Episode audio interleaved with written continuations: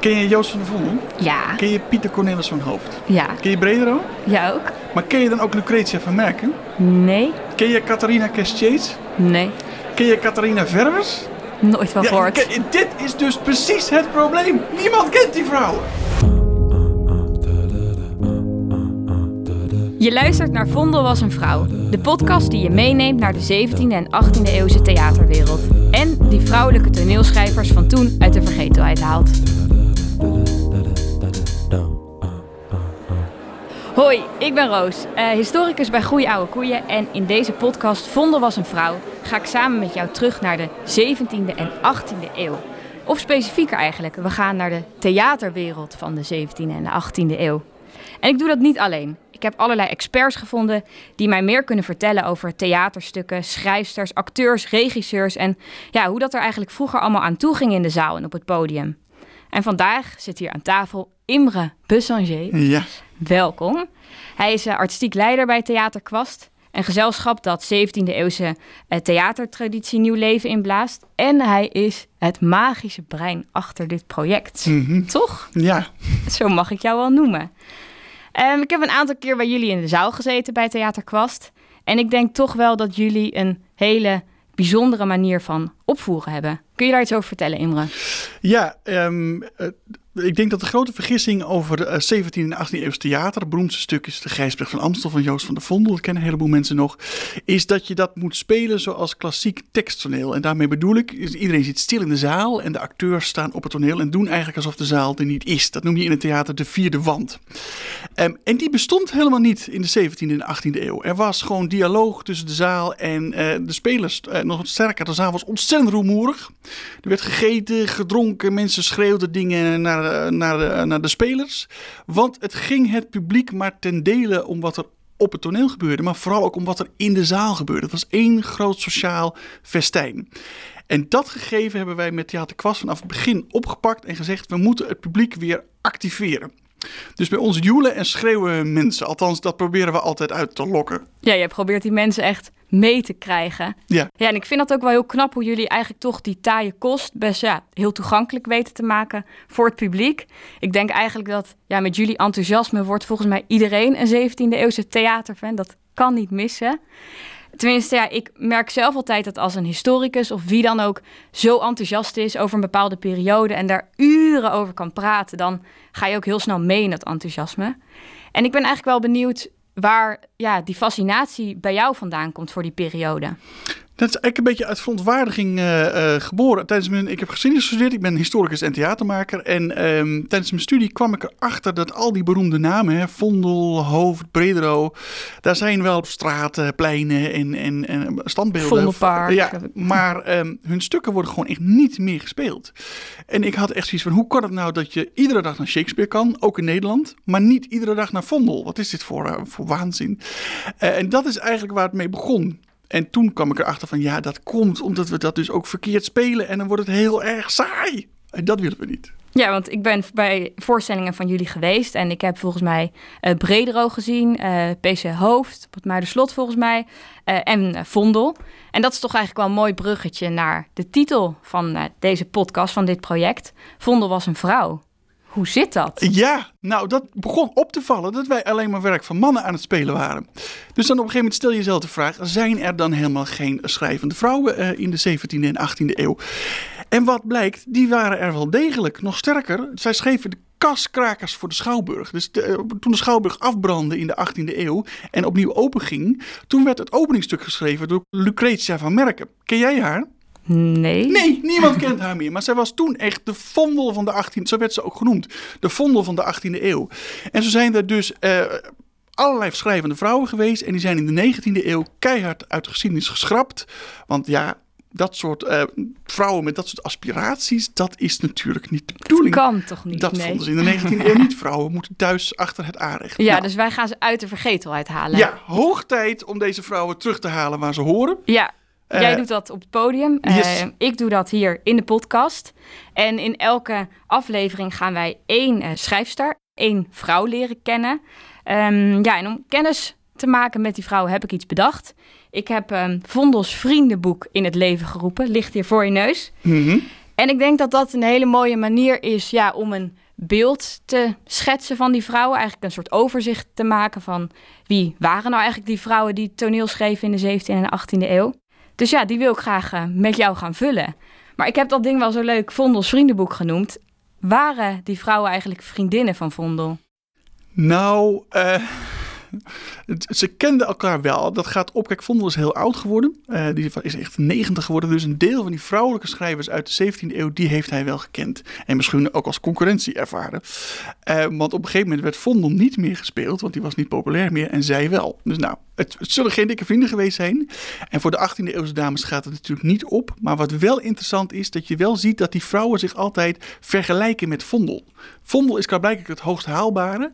En zoals net die Lucretia van Zei, wordt echt de vrouwelijke Vondel genoemd. En dat is dus de grootste eer die je kan behalen. Dus ook in die tijd dachten die vrouwen, ik wil zo worden zoals Vondel. Ja, en zij moesten daarvoor wel meer moeite doen. Er was echt wel een glazen plafond ook in de dichterswereld. Dus daar moesten zij doorheen uh, beuken. Uh, maar dat is een aantal dames heel goed gelukt. En die haalden dus ook heel veel roem en eer. Ook van hun mannelijke collega's. Dus eigenlijk waren het ook een soort concurrenten van Vondel. Zeker. Uh, meer dan gelijkwaardig. Ja, ja. De, vandaar, Vondel was een vrouw. Ja. Nou ja, dan maken we eigenlijk in, dit, in Vondels vriendenboek ook een soort overzicht van de concurrenten. En geven Vondel een beetje inzicht in zijn markt misschien van toen.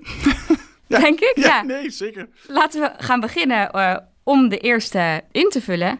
Um, vandaag bespreken we namelijk uh, Catharina Verwers. Yes. Als ik die klemtoon nu... Uh, ja, ik zeg altijd Verwers. Verwers, ja. We weten niet die Roos. Ze leefde drie eeuwen geleden, dus... Uh.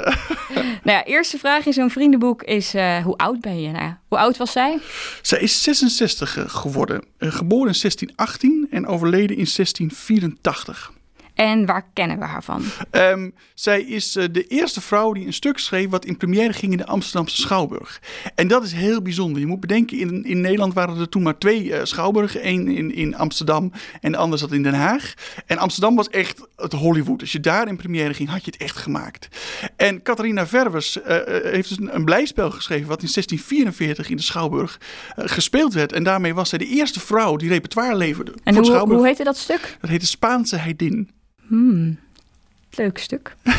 en uh, ik ken Vondel van, staat er ook in het vriendenboek. Kende zij Vondel? Ja, natuurlijk kende zij Vondel. Vondel was zeg maar, uh, hè, vandaar uh, dat Vondel was een vrouw, hè, dat was het hoogst haalbare. Dus ja. dat wilde zij, waarschijnlijk ambieerde zij zo'n positie. En zij woonden allebei in de Warmoestraat.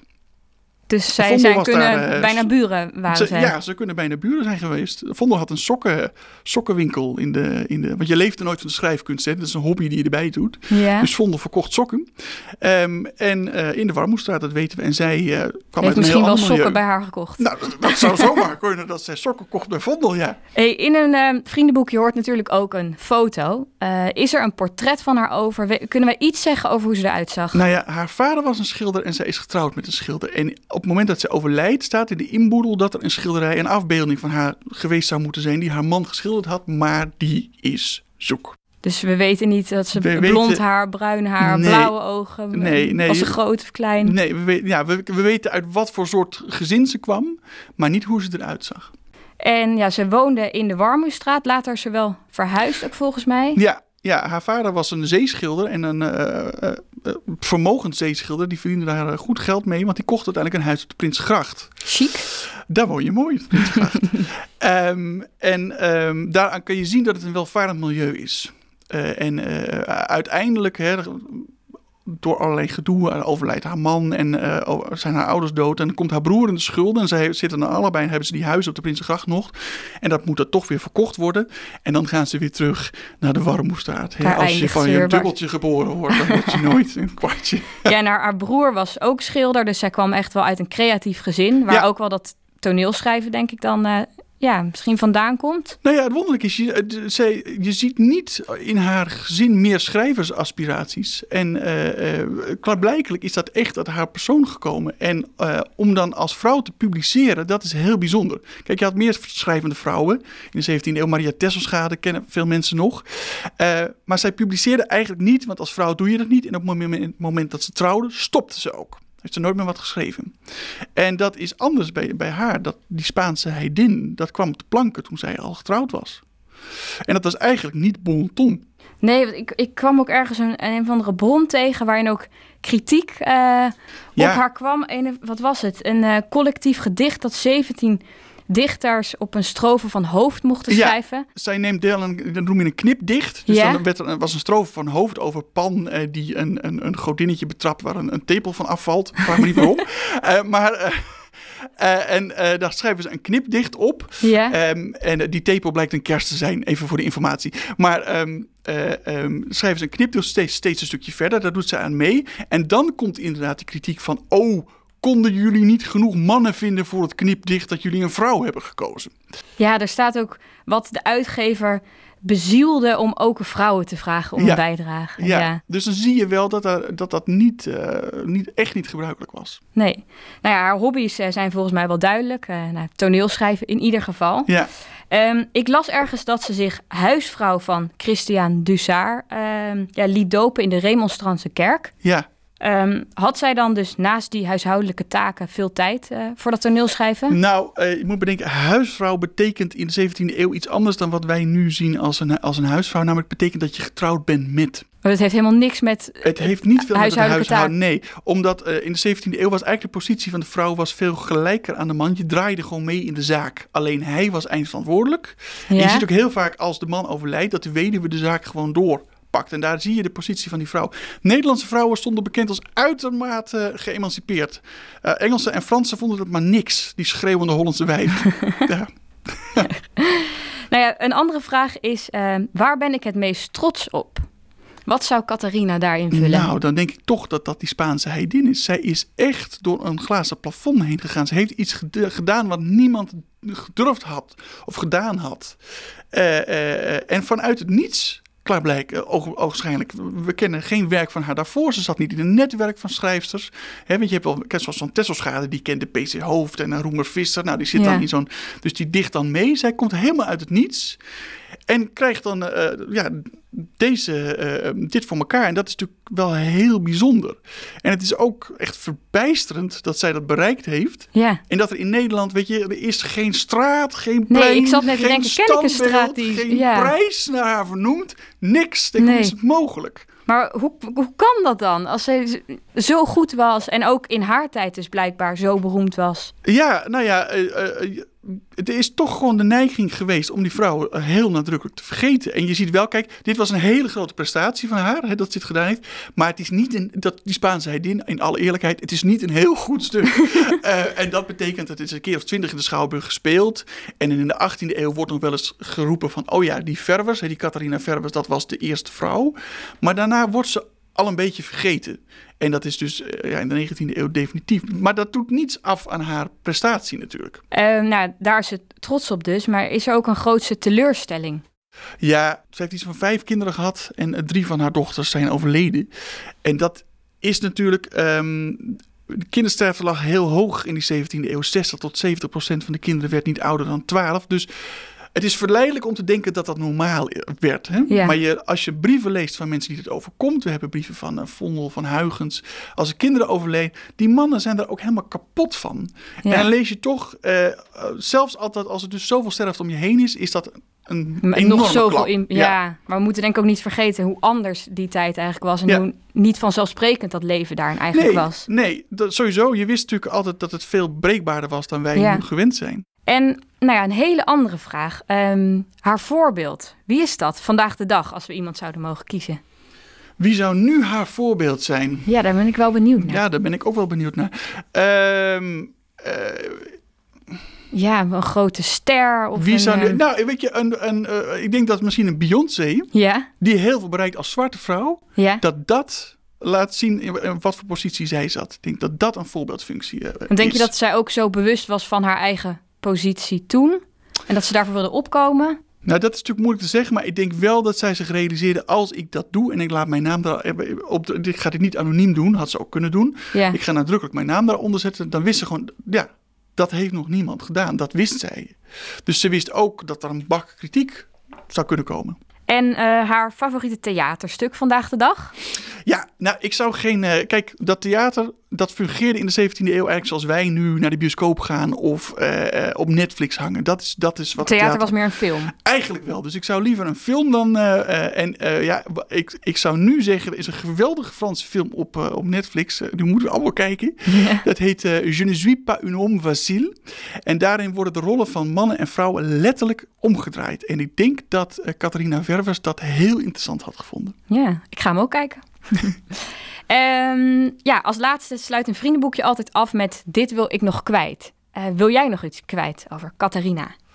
Nou, dat ik inderdaad wat ik net, eigenlijk wat ik net zei, dat, het, dat ik het vreemd vind dat wij haar nu voor het eerst weer noemen. Dat het zo lang stil is gebleven om deze vrouw. Terwijl als je bedenkt wat voor enorme daad ze gedaan heeft, hoe bijzonder het was, dan verdient dat een enorme herwaardering. Ja, en wat ik zelf altijd ook zo leuk vind, is die oude teksten van die toneelstukken.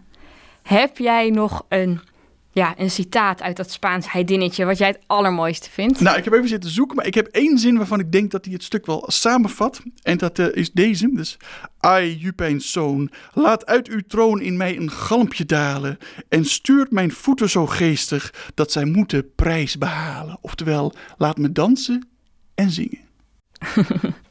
Dank. Uh, wie gaan wij volgende keer bespreken? Volgende keer spreken we een 18e-eeuwse uh, eh, heldin Juliana de Lannoy, een schrijvende barones uit Brabant. Leuk, ik kijk er naar uit. Uh, en dank dat je mij hebt meegenomen naar die theaterwereld uh, van toen en in het leven van Catharina Verwers. Verwers? Verwers. dat was hem. tot de volgende keer. De podcast Vondel was een vrouw een productie van Goeie Oude Koeien in opdracht van Theater Kwast. De podcast kwam tot stand met steun van het Cultuurstimuleringsfonds Haarlem, de Gravin van Bieland Stichting, de JC Ruigrok Stichting en het Prins Bernhard Cultuurfonds Noord-Holland. Veel dank aan Imre Bussanger en aan alle experts die ons meenamen naar vroeger. Wil jij een van de voorstellingen van Kwast bijwonen? Ga dan naar theaterkwast.nl voor het programma. En wil je dat nog meer mensen kennis maken met deze 17e eeuwse theaterwereld? Laat dan een recensie achter. Dat maakt de podcast beter vindbaar. Dankjewel.